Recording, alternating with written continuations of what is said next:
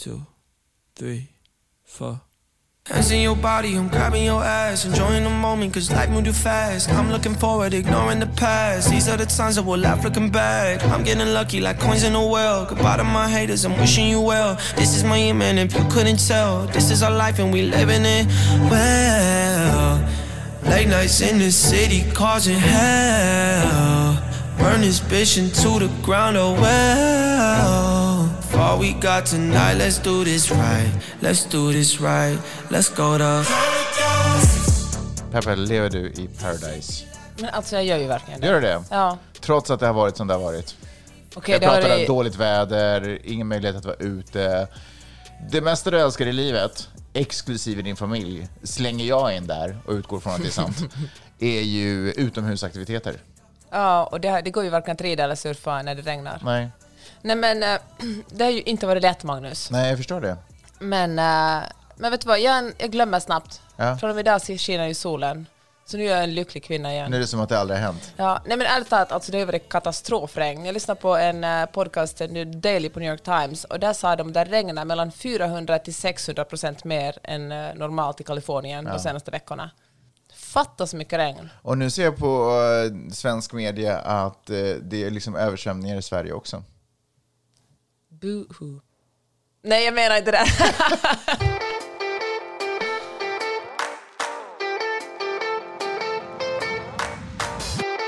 Du lyssnar på Magnus och Peppes podcast.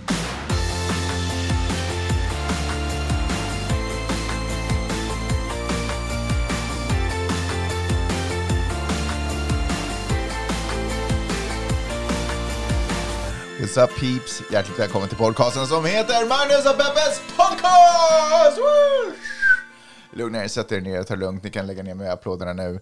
Det här är en liten podcast där vi pratar om stora och små händelser i världen och så gör vi det ur ett feministiskt, ur ett journalistiskt och ur ett mediegranskande perspektiv. Åtminstone säger vi att vi gör det, men jag är lite tveksam på vad vi... ja, men det låter bra när du säger det i början Jag tänker att jag säger att vi gör det därför att det är sådana vi är. Ja, Ja.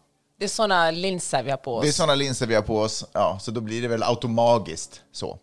Eh, som för övrigt är ett otroligt ord.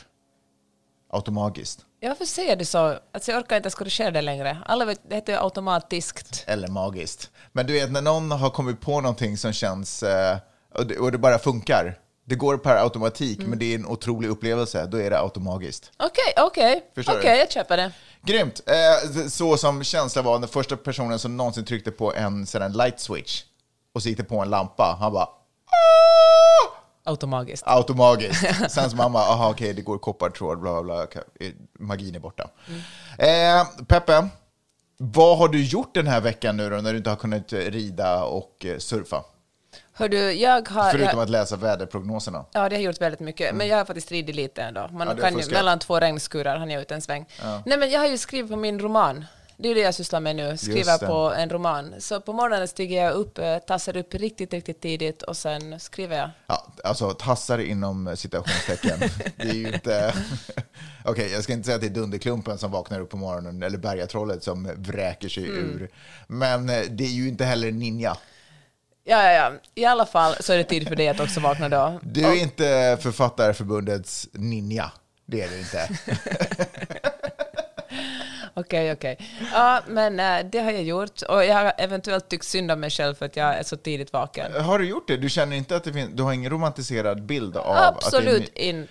Nej, för dig är det Det är bara människor ont. som säger så här, jag skulle gärna också skriva en roman men jag hinner inte, som har en romantiserad bild av hur det är att skriva böcker. Mm, vet du en grej som är dryg att säga?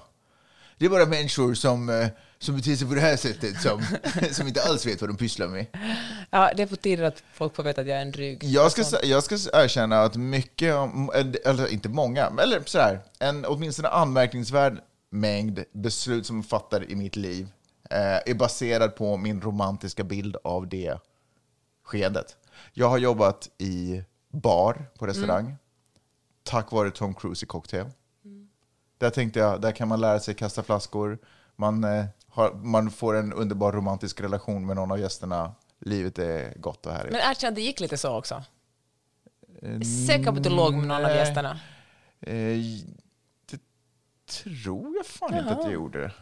Jag tror faktiskt inte det. Skitsamma. Eh, radio Eh, har vi ju bara att tacka The Night Hawk eh, för.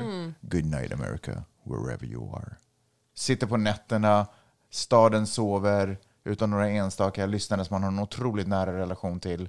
Eh, det är nedsläckt på hela eh, redaktionen, men där sitter man och berättar om mysteriet man precis har löst. Alltså, what's not to love? Surf, alltså, the, the list goes Surf, on point and break, on. Ja. råna banker, point break. Exakt.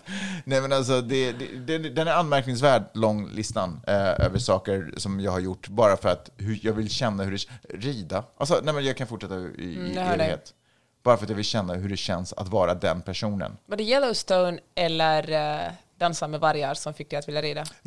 dansa med vargar. Ja, det, det, det var dansa med vargar. Nej, vet du vad, det går ju längre tillbaka. Alltså, det är ju gamla westernfilmer. Mm. Det var på den tiden då ursprung, amerikanska ursprungsbefolkningen var Indians.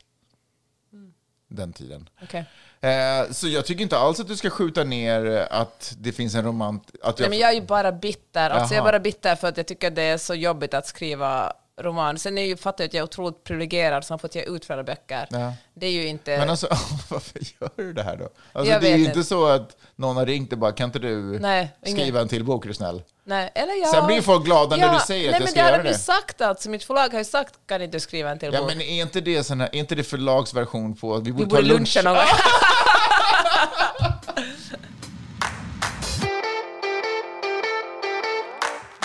Okej, jag skulle vilja tala om Nepo Babies. Okej. Det är, vet du vad det är? Eh, Nepotism-bebisar. Ja, precis. Alltså som sällan är Eller bebisar. nepotism-barn, obviously. Ja. Och eh, med barn menar man barn till kända personer. Ofta är de här personerna vuxna. Ja, inte alls ovanligt i Hollywood, känner Nej, jag. Det är Det liksom- finns väl inte en stjärna på Hollywoodhimlen just nu som inte är barn till en tidigare stjärna? Exakt. Ofta är det så här att musikers barn blir skådespelare och skådespelares barn blir musiker. Eller det går lite kors och tvärs. Men man får i alla fall ett, ett rejält försprång in i Hollywood och in i branschen.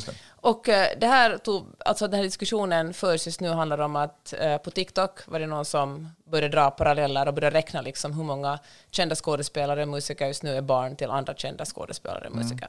Och så gjorde Vulture, som är en, eh, en tidning, ett magasin, en, en, en lite längre artikel om det här, som är jättebra. Jag kan verkligen rekommendera den. Det är bara att söka på Vulture och Nepo Babies. Okej. Fast vänta, lyssna klart på det här avsnittet först. Ja, verkligen.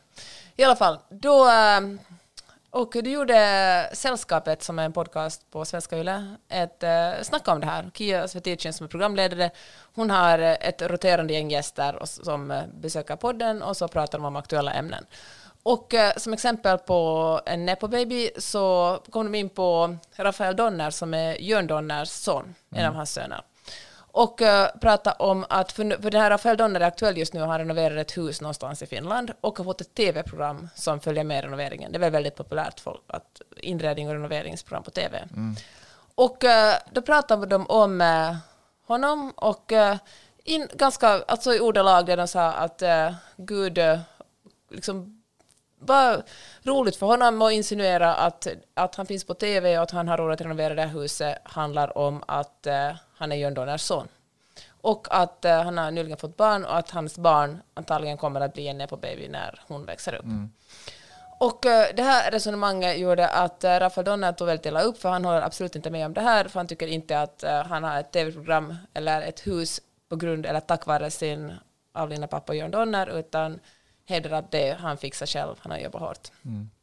Och, eh, och, ble, och han skrev ett långt inlägg på Facebook om det här, vilket ledde till att Hufvudstadsbladet, den andra stora medieplattformen i eh, mediehuset Svensk Finland, gjorde en jättelång intervju med honom där han fick lägga ut, eh, förklara vad som var fel och eh, hur, på vilket sätt det här var kränkande för honom. Det ska väl också tilläggas att innehåll som presenterades i den här podcasten också baserades eller refererades till en ti- artikel som hade gjorts tidigare med I Rafael. Ja, eh, där han just berättar de här sakerna om hur finansiering och sånt har varit möjligt. Ja, precis. Och han säger väl också någonting i det här avsnittet, i, i något av avsnitten i tv-serien om hur det är. Alltså just med den här finansieringen är det ju, han säger att han har varit tvungen att ta banklån och pantsätta sin lägenhet som han till 50 procent har ärvt av sin pappa för att kunna ha möjlighet att bygga det huset. Alltså, det kan man ju kanske säga att det, ändå, det låter väl lite som man har ärvt. Alltså det är väldigt få människor som har en lägenhet i Kronohagen, alltså en av de finare stadsdelarna i Helsingfors, som man kan pantsätta för att kunna bygga, ta ett lån och bygga ett hus eller renovera ett hus. Strunt samma, men eh, ja. Och, eh, och sen tänker jag också det här att om man inte vill bli associerad med sin pappa, så då ska man kanske inte skriva böcker om och med honom. Strunt samma. Det som jag vill tala om är hur uh, mediechefer har hanterat det här. Mm. Alltså Sällskapen har podden, det är en satirpodd och där pratar Som ägs och drivs av Yle, Av Yle. alltså public service-bolaget i Finland. Ja, som också, som också gör, Yle gör också det här programmet om renoveringen. Mm. Men de här två sakerna har ingenting med varandra. Alltså det finns ju jättemånga olika tv-program och radioprogram på YLE. Liksom. De går inte hand i hand på något sätt. Rå- De råkar nu bara nämna det här projektet och det här programmet och den här personen i sällskapet. Och, eh, men alltså, Hufvudstadsbladet gjorde alltså en stor artikel om det här och det ledde till att uh, YLE fick kalla fötter. Johanna Törnmang som är ansvarig utgivare på Svenska YLE, hon uh, klippt, så, till, att det klipptes bort vissa delar ur det här programmet, för hon tyckte att det var, alltså hon själv att det var etiskt eh, inte försvarbart. Och eh, samtidigt pågår ett drev på Kia som är programledare för den här podden. Ett pågår ett drev på sociala medier. Och eh, när jag läste det här fick jag nästan lite så här PTSD, för det är så obehagligt när folk talar om en. Och jag fattar så här att eh, Kia är en offentlig person, hon är journalist och, och hon, eh, hon är en väldigt bra journalist och jag vet att när hon skriver, det, när hon säger någonting i, i den här podden så gör hon inte för att hon bara hittar på det just då. Hon skriver manus och jobbar och liksom har en tanke bakom det hon gör och säger. Det är ingen slump. Hon är väldigt duktig på sitt jobb. Och, eh, så, och, och, och även om man är det och även om man är offentlig person ska man kunna ta kritik. Det, och speciellt om man jobbar på public service. Men, och, folk, och sen kanske man måste acceptera att folk är dumma i huvudet på Facebook och sociala medier. Men det som jag tycker är så himla sorgligt att Yle genast viker sig. Alltså att man säger nej, vi klipper bort det här om det inte passar dig och någon som tycker att den blir fel, felaktigt omtalad. Att Yle liksom bara redigerar bort det och inte liksom, liksom går ut och säger att nej, vi står bakom våra journalister. Det är så sorgligt. Och det gör mig så illa till mods för att jag har också haft stunder, både när jag jobbar på tidningen Papper och när jag har alltså, offentligt bråkat om att Hufvudstadsbladet betalar manliga skribenter dubbelt så mycket som mig. Så jag har också varit med om det där, vad folk skri skriver om mig och talar om mig. Och det är så otroligt, det är så otroligt hemskt.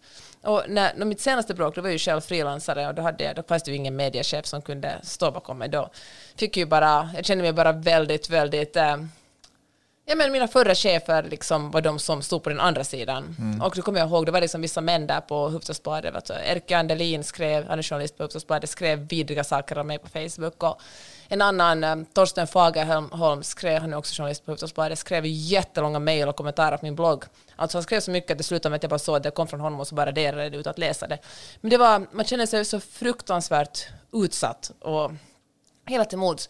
Och nu när jag säger Kia när hon är mitt i den här eh, stormen, så har jag så, tycker det är så sorgligt att så få människor har stigit upp och ställt sig vid hennes sida. För, och speciellt hennes, chef, hennes chefer. För det första, för det är rätt sak att göra. Hon är liksom, hon, jag tycker verkligen inte gjort någonting fel. Man måste kunna göra ett satiriskt program och man måste kunna kritisera B-kändisar. Det är liksom, den, det- måste man kunna göra. Det var ingenting, man måste kunna säga att det här barnet kommer antagligen att växa upp till att bli en nepotism-baby. Alltså, det är, det är inget, alltså, det är inget, det är inte på något sätt långsökt och det är en, det är liksom, ja, barn till eh, kända människor har fördelar. Sen måste jag också säga så här att eh, även om man, om, om vi går tillbaka till just det här fallet, att jag förstår att det är lite jobbigt att någon säger att, att du har kommit dit du har kommit, du har fått den här uppmärksamheten, du har fått ett tv-program för att dina föräldrar var kända eller för att din pappa var känd. Ja, det är nepotism och ja, du, har, du är privilegierad. Det betyder inte att du inte har jobbat hårt. Alltså folk på något sätt blandar ihop det här att man tror att, att folk som är privilegierade aldrig jobbar hårt aldrig, aldrig har Eller att mött livet har varit hårt generellt. precis mött en enda motgång. Jag är säker på att eh, alla nepo-babies och folk som är, alla som är privilegierade, 100% har man haft motgångar. Alla har varit ledsna, alla har jobbat jättehårt. Men tyvärr tas, tas man inte, alltså ändå är faktum att man kan ha, alltså man kan ha fått sitt jobb eller sin eh, position på grund av, eller tack vare man, nepotism eller privilegier. Alltså, Men det är ju inte vad det här handlar om. Det handlar ju inte om att, liksom, att någon, vad som har sagts om någon och huruvida den personen har blivit sårad eller, eller kränkt eller vad det nu har känt. Utan det vad det handlar om är ju chefer som... Oj, vilken rolig vissling. Vad det handlar om är ju chefer som inte står upp för sina medarbetare. Och tar, och tar fighten som ansvarig utgivare för materialet. Det, ja, Men sen tycker jag att det också finns en annan intressant aspekt att Hufvudstadsbladet väljer att flyga på intervjun med honom och låter honom tala ut. Och det kan man väl i och för sig göra, men jag tänker att det är ju ett otroligt intressant sätt att underminera liksom journalistikens möjligheter att diskutera problem, diskutera fenomen som där vissa personer är ansvariga för de fenomenen. Därför att om de personerna sen i sin tur ska få, eh, jag vet inte vad det var, helsida eller vad det var, liksom, om de ska få helsides där de får liksom beklaga sig och liksom tycka synd om och, och tala ut. Så jag vet inte, jag tycker att det är lite... Men att man tycker att alltså en vanlig person som känner sig felciterad hade skrivit en insändare och haft tur om Mm. Ja, det hade kommit in i tidningen. exakt, Alltså precis. bara det att det man är ju också får nästan en... ett bevis på nepotism. Det är ju exakt vad det, är, det är ju Ja. exakt vad det är, hur extremt privilegierad det är. Man tycker att någonting är fel och så får man en stor artikel man får tala ut om hur fel det här. Det är ju liksom... Mm. Och jag, jag säger inte, alltså Rafael Donner är säkert supergullig och supersnäll och superduktig på det han gör, men eh, han är privilegierad. Alltså ett privilegium är ingenting man kan ifrånta sig själv. Nej. Alltså man kan inte bestämma sig för att, att inte ha sina föräldrar eller inte ha den hudfärg man har eller inte ha det kön man har. Alltså är man det så är man det. Mm. Då kommer liksom uppenbarligen med nackdelar också som i det här fallet när man blir offentligt kritiserad.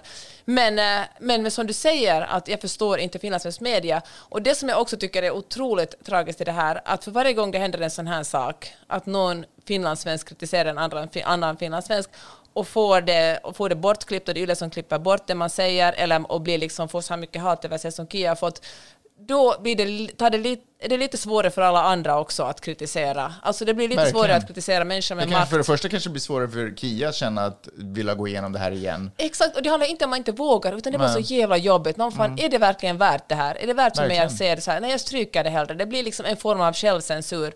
Och det handlar verkligen inte bara om Kia, utan jag vet att det är massa människor som, Såklart. massa journalister och liksom kolumnister, kronikörer som följer det här, som känner att ah, fuck it, jag orkar verkligen inte kritisera då, för, till exempel Rafael Donner, för det blev sånt himla hullabaloo senast. Jag orkar liksom inte bli skitsnackad om på Facebook eller få liksom arga mail och liksom hat efter mig. Jag orkar liksom inte se på mina kollegor som, som typ likar poster kring det för att jag känner mig så förrådd och känner mig så ensam. Men, men också just Alltså- precis som du säger, för det här handlar ju inte om alla människors rätt och möjlighet att höras i media, utan det här handlar ju om privilegierade människors en, en feature de har att få sin, att verkligen sådär kunna dominera plattformar Ja. och kunna gå in och få sitt ord sagt. Få det sista ordet, ja. Ja. eh, För, för precis som du säger, om det här hade varit Ulla Jakobsson som hade bott i Närpes och det hade sagt, nämnts någonting, så hade hon inte haft någon möjlighet Nej. eller åtminstone väldigt liksom, marginell möjlighet att få, sitt, få en hel sida i Hufvudstadsbladet där hon kan tala ut och berätta hur det Nej. på riktigt, liksom, inom citationstecken, förhåller sig. Ja, det blir så, ah, fan vad sorgligt. Jag tycker det är så, det är så deppigt. Alltså det är, jag tycker att Svenskfinland, eller Svenskfinlands mediechefer verkligen gör sig själva en otjänst. Och jag känner också, fan alltså det är inte, det är, alltså såklart är det ett privilegium och det är en maktposition att ha en podd, eller speciellt ha en podd på YLE och att liksom få sin röst hörd. Men det är också ett jobb och liksom, och det är, det är ens jobb att vara lite obekväm, att säga saker som kanske inte alla tycker är superhärliga. Men det ska väl också säga att Yles, eh, det ska väl också sägas att Yles chefer också nog har backpaddlat lite på det här. Ja, alltså, vad säger Johanna Törnman sa väl att hon, att eh, hon fortfarande tycker att Sällskap är en bra podd och att eh, de kommer att hålla kvar allt det andra. De kommer bara klippa bort det som någon av de andra programledarna sa om, om kalla Rafael Donners fru för Muja eller något sånt. Jag vet inte. Jag tycker det är intressant, därför att jag tycker att Finland har ju slagit sig för bröstet för att vara ett land där man inte särskiljer på människor och människor. Och bara en sån enkel sak, om man ska gå ut på en nattklubb så står alla i typ i kö, det spelar ingen roll. Jag har sett, eh, jag har sett sångaren i Soundtrack of Our Life, heter det så? Ja. Ja, blir nekad att komma in. På, inte hända i Stockholm. Inte, inte nekad, utan blir nekad att gå förbi kön. Utan måste ställa sig i kö. Och det skulle ju verkligen inte hända i Stockholm. Verkligen inte. Så för mig så blir det underligt att man liksom har en... Eller jag tycker att det är lite sådär... Ja, men det finns ju en dubbelmoral i att slå sig för bröstet och säga att man, eh, man behandlar alla människor lika. Det är ganska tydligt att nepotism och kändisskap ändå har ett företräde in Ja. i journalistiken också. Absolut. Men det förstår jag också. Alltså man, kan ju, man kan ju argumentera att det är liksom publikens intresse. Ja. Och det är intressant att höra vad någon som har ett tv-program säger. Alltså det är man på något sätt skriver det som en uh, Jo, publiken men vill ha. fast, det här är ju skillnaden. Ja, man precis, jag tycker, och, men det finns ju insändare för sånt också. Precis som du sa, där, det, är ju, det är ju vanliga människor så att säga möjlighet att Mm. få sin åsikt sagd och läst. läst. Eh, och så det kunde han ju ha gjort och sen hade man ju kunnat lyfta upp det. Så här tycker, så här tycker Rafael och så här ser Yles chefer på det. Mm. Och så hade man kunnat föra åtminstone ett, gjort ett reportage dem sinsemellan. Ja, men det har man faktiskt efter, i en, en tidigare artikel kom, säger Johanna Törnmang så här, som är alltså ansvarig utgivare på YLE. Så Ja, det henne, har gjort. Okej. till hennes försvar, måste, det kom ut bara idag, därför jag inte har läst det ännu. Så här, jag tycker det är viktigt att vi i Svenskfinland också ska våga ta oss an känsliga ämnen i vår journalistik. När man är med i en real, reality-serie måste man vara beredd på att innehållet kan diskuteras. För, för, får jag bara stoppa det där? Det är ju inte ett känsligt ämne. Det är Nej. bara känsligt för Rafael för att han är nämnd. Exakt, Det är men- inte ett känsligt ämne att rika har det bra. Nej. Det är ju liksom inte... Att svenska YLE tar upp serien i podden är helt naturligt. Det skulle vara underligt om vi undvek serier som vi själva gör. Vi har ett brett innehåll och att vi diskuterar icke-journalistiskt innehåll. Paus igen. Också jättekonstigt. Varför skulle man und... det, då, saknar man ju, då tappar man jättemycket trovärdighet om man inte vågar titta på egna program. Ja, men det var, det, han, det var ju det hon sa. Ja. Uh, Sällskapet är inget nyhetsprogram, det är en podd med en erfaren kulturjournalist som tillsammans med två sidekickar diskuterar aktuella ämnen i samhället. Tonen är frispråkig och åsikterna som förts fram är tillspetsade. Publiken är väl medveten om poddens karaktär och Törnmangs poängterar att hon har fullt förtroende för dem som gör Sällskapet. Även om vi gjort några ändringar finns tematiken och avsnittet kvar. Jag lyfter hatten för sällskapet som vågar göra en modig och agendasättande podd som väcker diskussion, säger Törnmangs. Okej, det var den, den här artikeln kom ut idag, det var inte den första artikeln. Det var bra. Okej, jag ändrar mig och säger det var ju bra att hon sa det så här tydligt. Jag tycker Ja. de kunde ha hållit kvar faktiskt precis allting som, som sades i den här podden. Oavsett, men jag känner också att den här eh, artikeln och den här, eh, kanske, eller jag vet inte, kanske jag är hård nu, men är också kanske lite en konsekvens av att kanske rösterna börjar höjas just på det här temat. Att vänta, varför står ni inte upp för era journalister? Eller är det, är det rättvist att Kia ska få skit som inte ens, alltså det finns ju en ansvarig utgivare, men plötsligt så står man ensam och ska försöka förklara. Och jag menar, det kan hon ju säkert göra, men förstår vad jag Men menar? också frågan, är du avundsjuk på Rafael? Man bara, men, Ja, nej men verkligen. Men så, för det var ju inte liksom, det här var ju inte spont, det spontant första uttalandet Nej. som gjordes. Men by all means, det, det finns säkert en förklaring. Och det är bättre säkert, sent än aldrig. Ja, och det, det är väl förstås, men jag, jag känner att det skulle vara så jäkla nice om, om det fanns den här äh, om det fanns den här karaktären i svensk media som är sådär, boom, eller förlåt, finlandssvensk media, som är sådär, nej, så här går det till, så här, det här Ja. är det rätta. Och det här är vad våra journalister, fullt kapabla och kompetenta journalister, står för Mm. och gör. Ja, Ja, det verkligen. här är min hälsning till whoever blev namedroppad i den här Ja. podden. Och det är klart att det ska finnas, alltså, det är klart att det ska finnas intern kritik inom journalistik också. Jo, Men det- absolut, men det är ju inte det, det här är ju Nej, inte det. verkligen inte. Det här är ju någon som har blivit ledsen för att den blivit namedroppad i negativ dager, upplever den personen, Ja. och får gråta ut i en dagstidning. Ja, ja det är exakt vad det är. Ja, men eh, som sagt, alltså, man kan inte välja om man är nepo baby eller om man är privilegierad. Antingen är man det eller så är man inte det. Liksom. Mm. Och om man är det så då kommer det med vissa fördelar, uppenbarligen. Men också att man kanske blir kritiserad och då är det tyvärr så att då måste man ta det. Du, apropå Nepo Babies så dog ju eh, Lisa Marie Presley. Men hon var inte alls så gammal, lite på 50 va? Hon bara, på att säga i min ålder. Ja, inte riktigt men... Eh, men, och, och jag tror inte att, jag tror att den här nyheten hade passerat mig mer om det inte var så att ganska nyligen så kom filmen om hans liv ut, Elvis, och jag vet inte, en del av låtarna från den här filmen spelas i min bil. Ungefär så. Som visserligen inte är min bil, men whatever. Eh, Men jag läste lite vidare om det här och det är ju tragiskt. På något sätt så är hela det livsödet, den, det släkten, det släktnamnet, den familjens livsöde är ganska, känns väldigt tragiskt. Men det jag också läste var att hon har gjort slut på hela hans arv. Han lämnade väl efter sig, jag kan tänka mig att det tickar in pengar fortfarande med rättigheter, I don't know. Men han hade lämnat efter sig ungefär 100 miljoner dollar, alltså ungefär en, miljon, en miljard kronor. Eh, och de är slut. Vad har hon gjort då? Eh, Dåliga investeringar och allt. Men alltså det är, pengar är ju inte allt och det är konsten och det är kulturen och, och det är liksom arvet som han lämnar efter sig musikaliskt som obviously är den stora och den viktiga saken. Men det finns någonting som jag tycker är så, det finns någonting otroligt, det är som att ytterligare en bit av honom också nu är borta. Förstår Men det jag är menar? väl det? Alltså, så det stämmer väl? Jag tycker det är, det, det var på något sätt, det blev ännu mer tragiskt när jag Mm. läste att liksom inte ens det, Att då inte ens pengarna, vad menar ens, du? ja, inte ens pengarna lyckades förvaltas. Liksom, Men så har hon barn då? Eller hade Eh, hon barn? Ja, jo, det har hon. Hon har två. Det är dessutom en arvstvist.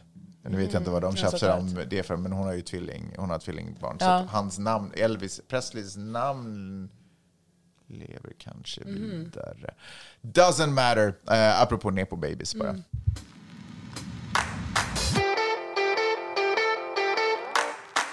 Jag eh, tänker ibland på Donald Trump. Eh, när du ska sova eller Men, när du eh, egentligen borde sätta dig ner och skriva en bok? Eller ja, när? men då tänker jag på allt annat än den. Nej, men eh, jag tänker på hur han sitter där nere i Florida och eh, det går så dåligt för honom. Mhm. Alltså hur han, eh, han måste betala tillbaka jättemycket på skatter som han har fifflat med. Alltså han betalar ju knappt någon skatt alls. Nej men alltså noll. Det var Ja. noll. Det Nej, var, under det vissa stod- år betalar han Det noll stod skatt. en nolla Ja. på vissa av de där deklarationerna. Och nu har, nu har de betalat tillbaka och hur eh, folk vänder sig mot honom. Han bara, alla val som han har varit involverad i går det åt helvete för Republikanerna. Men det går det ju. Ja, det, men inte alltså. alla, men Nej, vilket går det inte? När han Nej, blev det vald, han- när ryssarna gjorde att han blev vald till eh, Nej, men det, president. det finns ju kongressledamöter som sitter där med hans endorsement. Ja, men om, sant. Men, men alltså republikanerna hade ju väntat sig, eller också demokraterna, han att de inte- skulle vinna stort. För att du ska komma vidare så, så köper jag att han har inte det bästa. Han har inte haft det bästa slutet på 2022 och början på 2023. Och då sitter han där nere och isolerar sig allt mer i Mar-a-Lago. Alltså, det bara... Gör- Göran Putin kommer att bli så här omvärldsfrånvänd och Ja, börja- jag tror att han är det aggressiv. den. Alltså jag läste en intervju i eh, New York Magazine Mm. som är jättebra. Den finns också i mitt nyhetsbrev förresten. Jag kan verkligen rekommendera att läsa den. Och nyhetsbrevet. Nej men där han pratar om hur, där, alltså där, där, inte, där han blir intervjuad. Under 30 minuter säger han sex gånger I've done nothing wrong, I've done nothing wrong. Han är liksom han sitter där och intalar sig själv att alla, alla andra är emot honom. Det är en häxjakt. Det han skriker om att det är en häxjakt känner han verkligen. Att han är oskyldigt dömd. Folk är bara ute efter honom. Och, eh, och eh, hur folk bara liksom... Nej, men han är lite, han är lite sådär spetisk. Folk börjar lite hålla sig borta från honom. Han, har fortfarande, han befinner sig i någon slags så här limbo just nu för att han har fortfarande ganska mycket makt i det republikanska partiet. Han kan ringa och säga att den här, jag vill att det här ska bli, vad heter han som blev talman i, i kongressen? McCarthy. McCarthy ska bli så mycket. Men samtidigt är folk sådär, alltså... Kan vi bara lyfta upp det faktumet att jag gav dig Ja, namnet? det var, jag, Ja. jag gav den till dig Magnus. Tack. Nej, jag kom faktiskt inte på det. Nej, men, och, eh, men folk håller sig en distans som man känner att okej, allt han rör vill förlora. Alltså han är så liksom, omvänd kung Mm. Midas. fattar. samtidigt som han har lite makt, han kan fortfarande få bussa folk på folk som inte håller sig i ledet. Jag tror att de kommande månaderna är ganska avgörande för hans politiska framtid och Ja. eh, karriär. Jag tror att ja, det som händer... För jag tror att Republikanerna just nu själva sitter och sådär, hur ska vi göra nu? Ska vi, ska vi klippa eller ska vi liksom dra in honom igen? Det, Exakt. Där, där sitter de och väger. Och, och det finns ju en, en intensiv liten arg klunga i det republikanska partiet bestående av cirka knappt 20 eh, kongressledamöter som, som nog är där för hans skull, för Trumps skull. Verkligen. Som typ skulle heila Ja. och skrika Heil Trump. Ja, men samtidigt Ivanka, hans dotter, som var ändå en... Det var hon som hjälpte honom lång väg 2016 och Mm. kunde säga, hon var sådär att jag är en kvinna, jag är hans dotter, rösta på min pappa. Och det, ja, men precis, och jag tror det är jätteviktigt, han är symboliken där. Ja, ja, men hon är Att- inte där längre, eller vadå? Nej, hon sa att hon kommer inte att vara delaktig i en till kampanj. Hon, eh, på tal om Nepo Babies förresten. Mm. Men, eh, hon, eh, hon sa att hon, kommer, hon har sin egen business att sköta nu. Hon kommer att göra andra saker, så hon har förlorat henne. Men det som är så intressant... det tänker jag, det är ju ändå familj. Jag menar, behöver han så kommer hon ju vara tillbaka.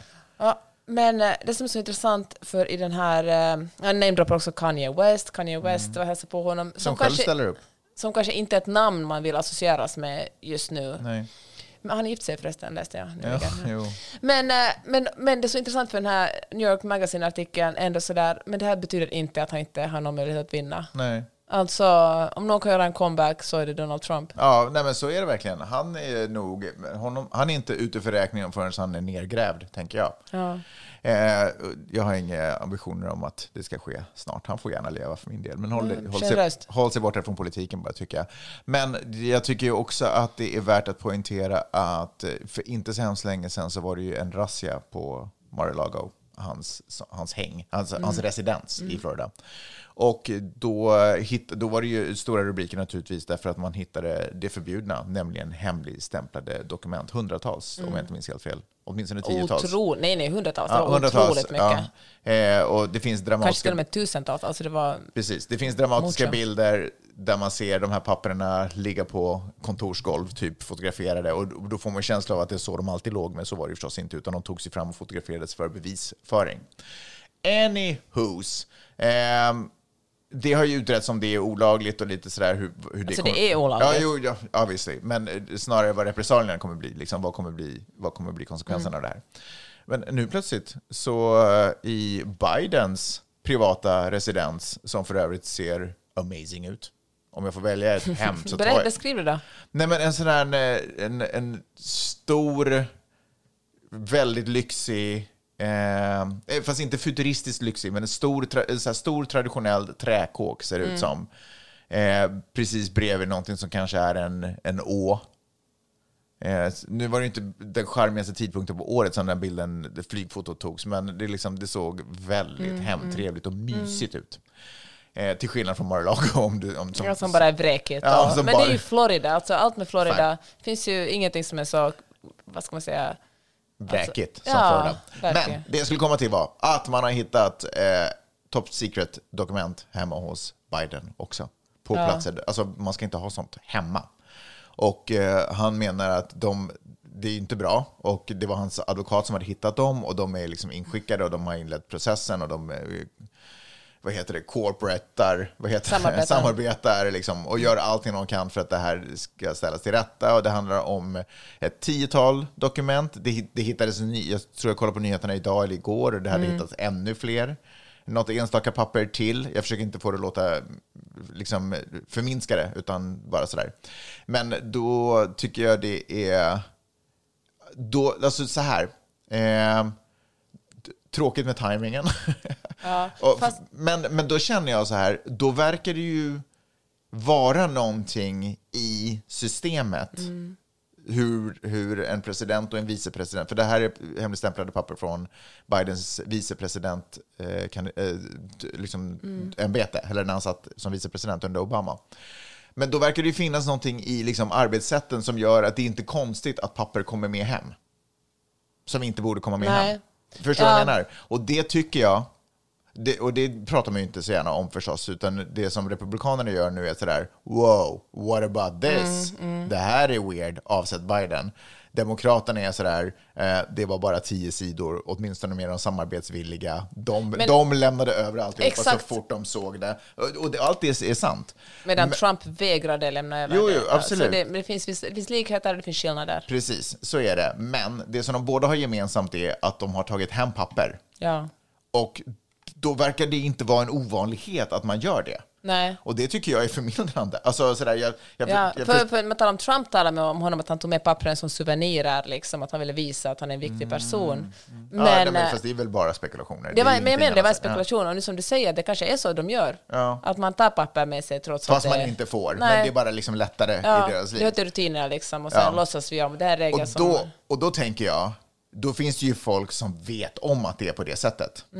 Förstår du vad jag menar? Ja. Och då är det ju folk som vet om att de skulle hitta hemligstämplade papper hos Trump. Därför att det är så, det är ganska troligt och det är så man rullar.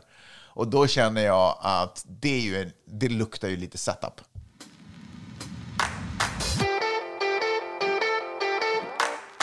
Ingen bok har sålt så mycket tydligen någonsin på hela jorden känns det som, som eh, Harrys nya bok. Stämmer det? Uh, Prince Harry, nej men...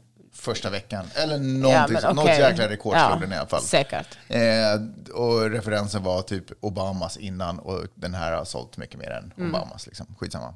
Eh, och då måste jag säga en sak. Säg. Enough is enough man. Nu har jag fått nog. Nu har du fått nog. Men alltså... Nej, men det, blev lite, det blev lite droppen som fick bägaren att rinna över för mig. Därför att nu är jag... Det kan inte vara så... Eller så här. Varför har den sålt så mycket? Hur kan det finnas ett så ohyggligt stort intresse för någonting som är stött och blött och fläkt och vikt och eh, liksom tapetserat och uppmålat överallt? Vet du vad jag tror? Ja. Alltså den kom exakt rätt i tiden. Nu går vi in i en era, en eat the rich-era. Eat Al- the rich. Ja, Eat the Rich, där vi verkligen... AOC började med det för ett år sedan på Met-galan. Nu har Mm. den där stora vita klänningen. Eller herregud, det var fan två år sedan. Ja, men hon, var, hon är ju före sin tid i alla fall. Men st- stor klänningen, det stod Eat the Rich på.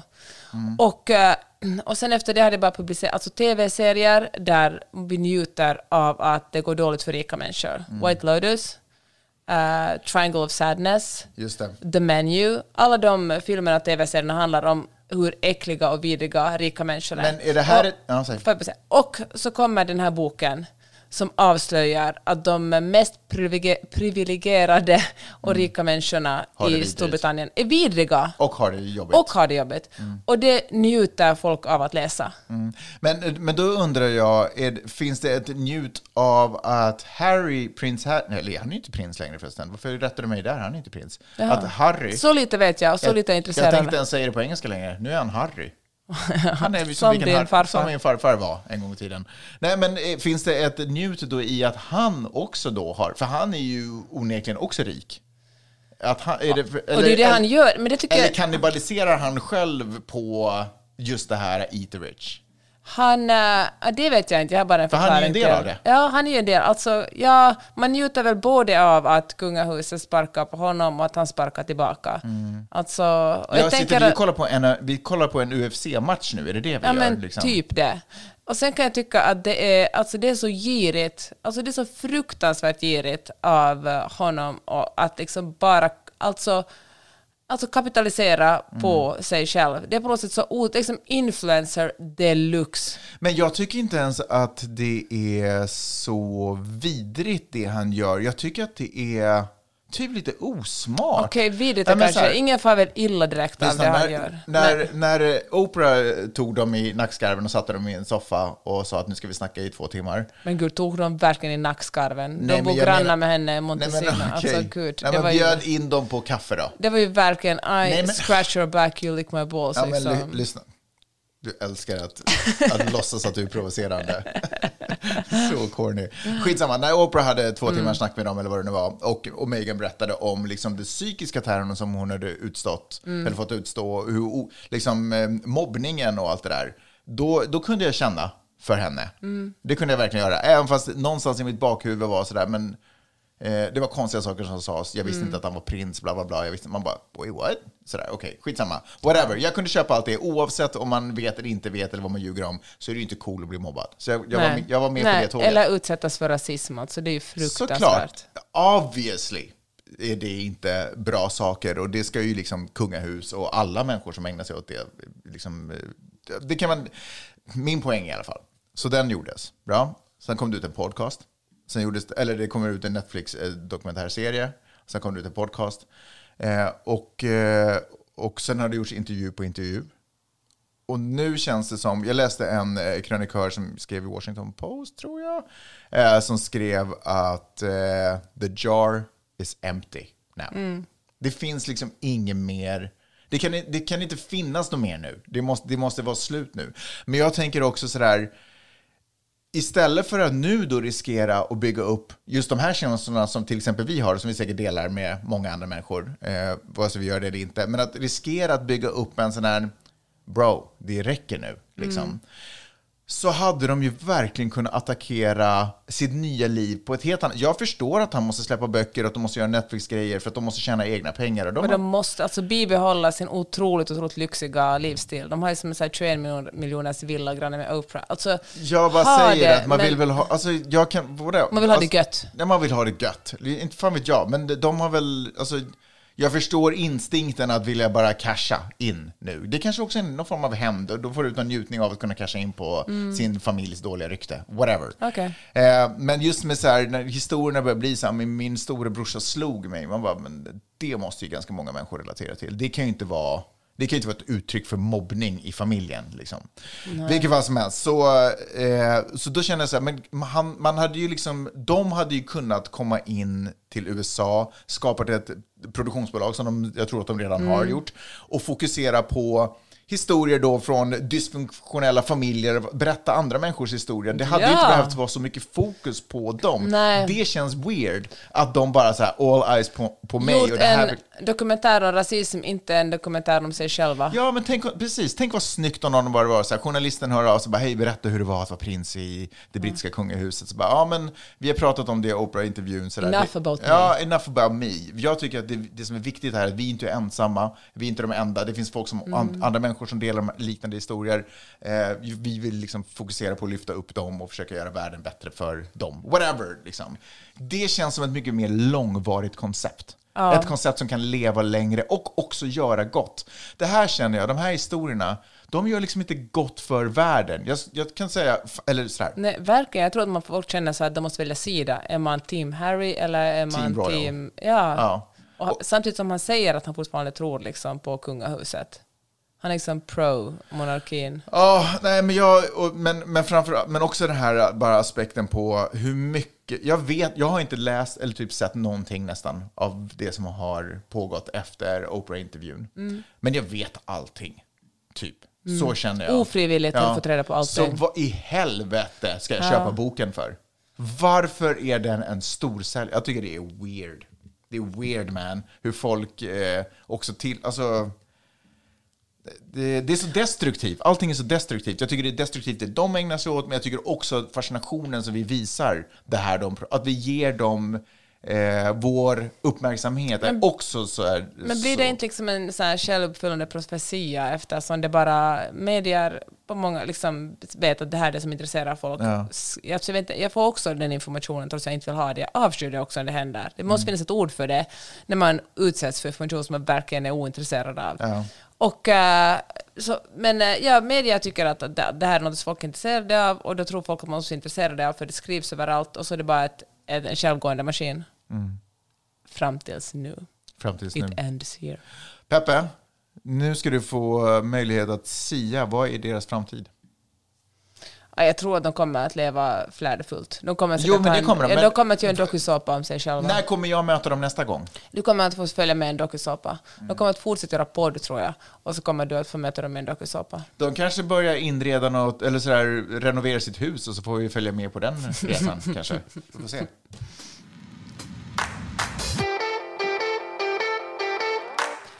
Kinas befolkning krymper för första gången på decennier. Oj, Och eh, det har med mycket att göra de blir kortare liksom. Och, haha.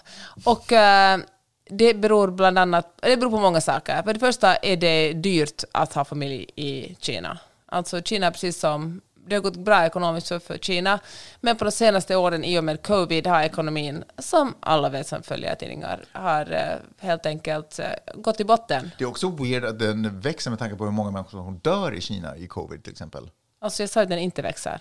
Nej men gud. Ja, men äh, någon ska vi spela in en podd där du lyssnar på vad jag säger. I alla fall. Men det här, att befolkningen, alltså det här är ett, det här är ett problem, eller ett problem och problem alltså. Eller det, ja, det är ett problem eftersom precis som i Kina, som i jättemånga andra länder, så finns det jättemånga gamla människor, men ganska få unga människor som kan ta hand om dem.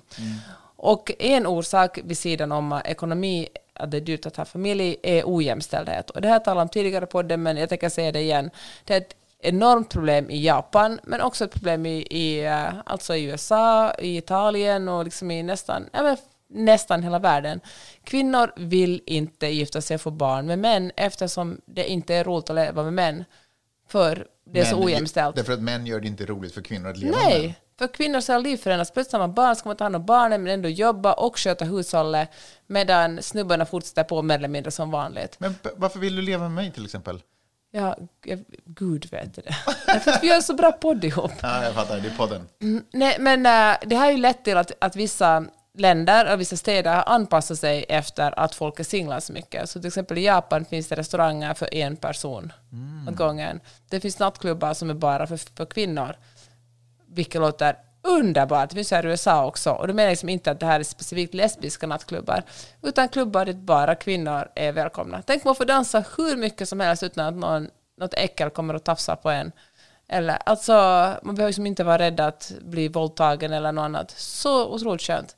Men, ehm, ja, men jag tänker så att om man ska ha någon som tar hand om oss när vi blir gamla, så är det kanske tid för män att bli lite mer jämställda. Om vi ska få fler barn. Med det sagt kan man inte också ändå bara konstatera att det är inte så att vi behöver fler människor på jorden. Så det är väl ändå också... Alltså jag menar, Nej, men- befolkningsmängden ökar ju onödigt mycket. Ja, fast vet du vad, alltså det är väl inte ett så stort problem som man har trott tidigare, Nähä. att vi är så många. Det Alltså, blir ju mer och mer eh, cramped i städer och det är på bekostnad av natur och miljö. Ja, men tydligen går det. Alltså det handlar mer, inte om hur många vi är, men hur vi hanterar det. Mm. Så att med mer, med bättre lösningar så kan vi vara färre. Mm. Alltså fler, inte färre. Och med bättre lösningar kan vi vara fler. Ja, precis. Hörru Peppe, det är alltid otroligt roligt och underbart och lärorikt att podda med dig. Eh, och eh, jag måste ju erkänna att jag fuskar. Hur då? Nej, därför att en del av de saker som jag gärna vill prata om, det är saker som jag har läst om och som du har skrivit om. Eller som du har lyft upp. Jag eh, följer ju nämligen ditt nyhetsbrev. Och jag ska väl också erkänna att du satte upp mig på din mailinglista. Så att jag, Utan att fråga om utan att fråga mig. Men det har visat sig varit otroligt för mig. Och då tänker jag så här, då skulle jag bara verkligen vilja ge från mitt hjärta den rekommendationen. Och om du är, som lyssnar, som är en person som är intresserad av omvärlden, men det, är, alltså det finns så jäkla mycket information där ute. Och vem ska man lita på? Helt plötsligt tar man fram en artikel och så har man en argumentation med Peppe och hon bara, ja, men vem är det som har skrivit artikeln? Man bara, åh, shit, det var Breitbart. Okej, jag måste backa på min argumentation om man följer Peppes nyhetsbrev, då behöver man inte bry sig om sådana saker. Eller man behöver inte tänka, man kan lita på Peppe, därför att det är Peppe som har kurerat. Eh, Peppe, du, alltså erfaren journalist, eh, kunnig krönikör, för detta krönikör ska man väl Ja, kanske jag säga. fick ju sparken. Författare, eh, har koll på det här med källkritik. Så prenumererar man på ditt, prenumererar man på ditt nyhetsbrev som, heter, eller som man hittar på peppe.substack.com men gud, jag kan inte prata. peppe.substack.com. Då är man faktiskt garanterad vettig och bra, intressant, eh, ibland stundvis underhållande eh, länkar till bra artiklar. Så det kan jag verkligen rekommendera. Och vill man verkligen belöna Peppe för det hårda arbetet, då kan man betala 5 dollar i månaden för det nyhetsbrevet. peppe.substack.com. Hörni, det var allt den här veckan. Vi hörs nästa vecka. Ha det så bra! Hej då! Hej.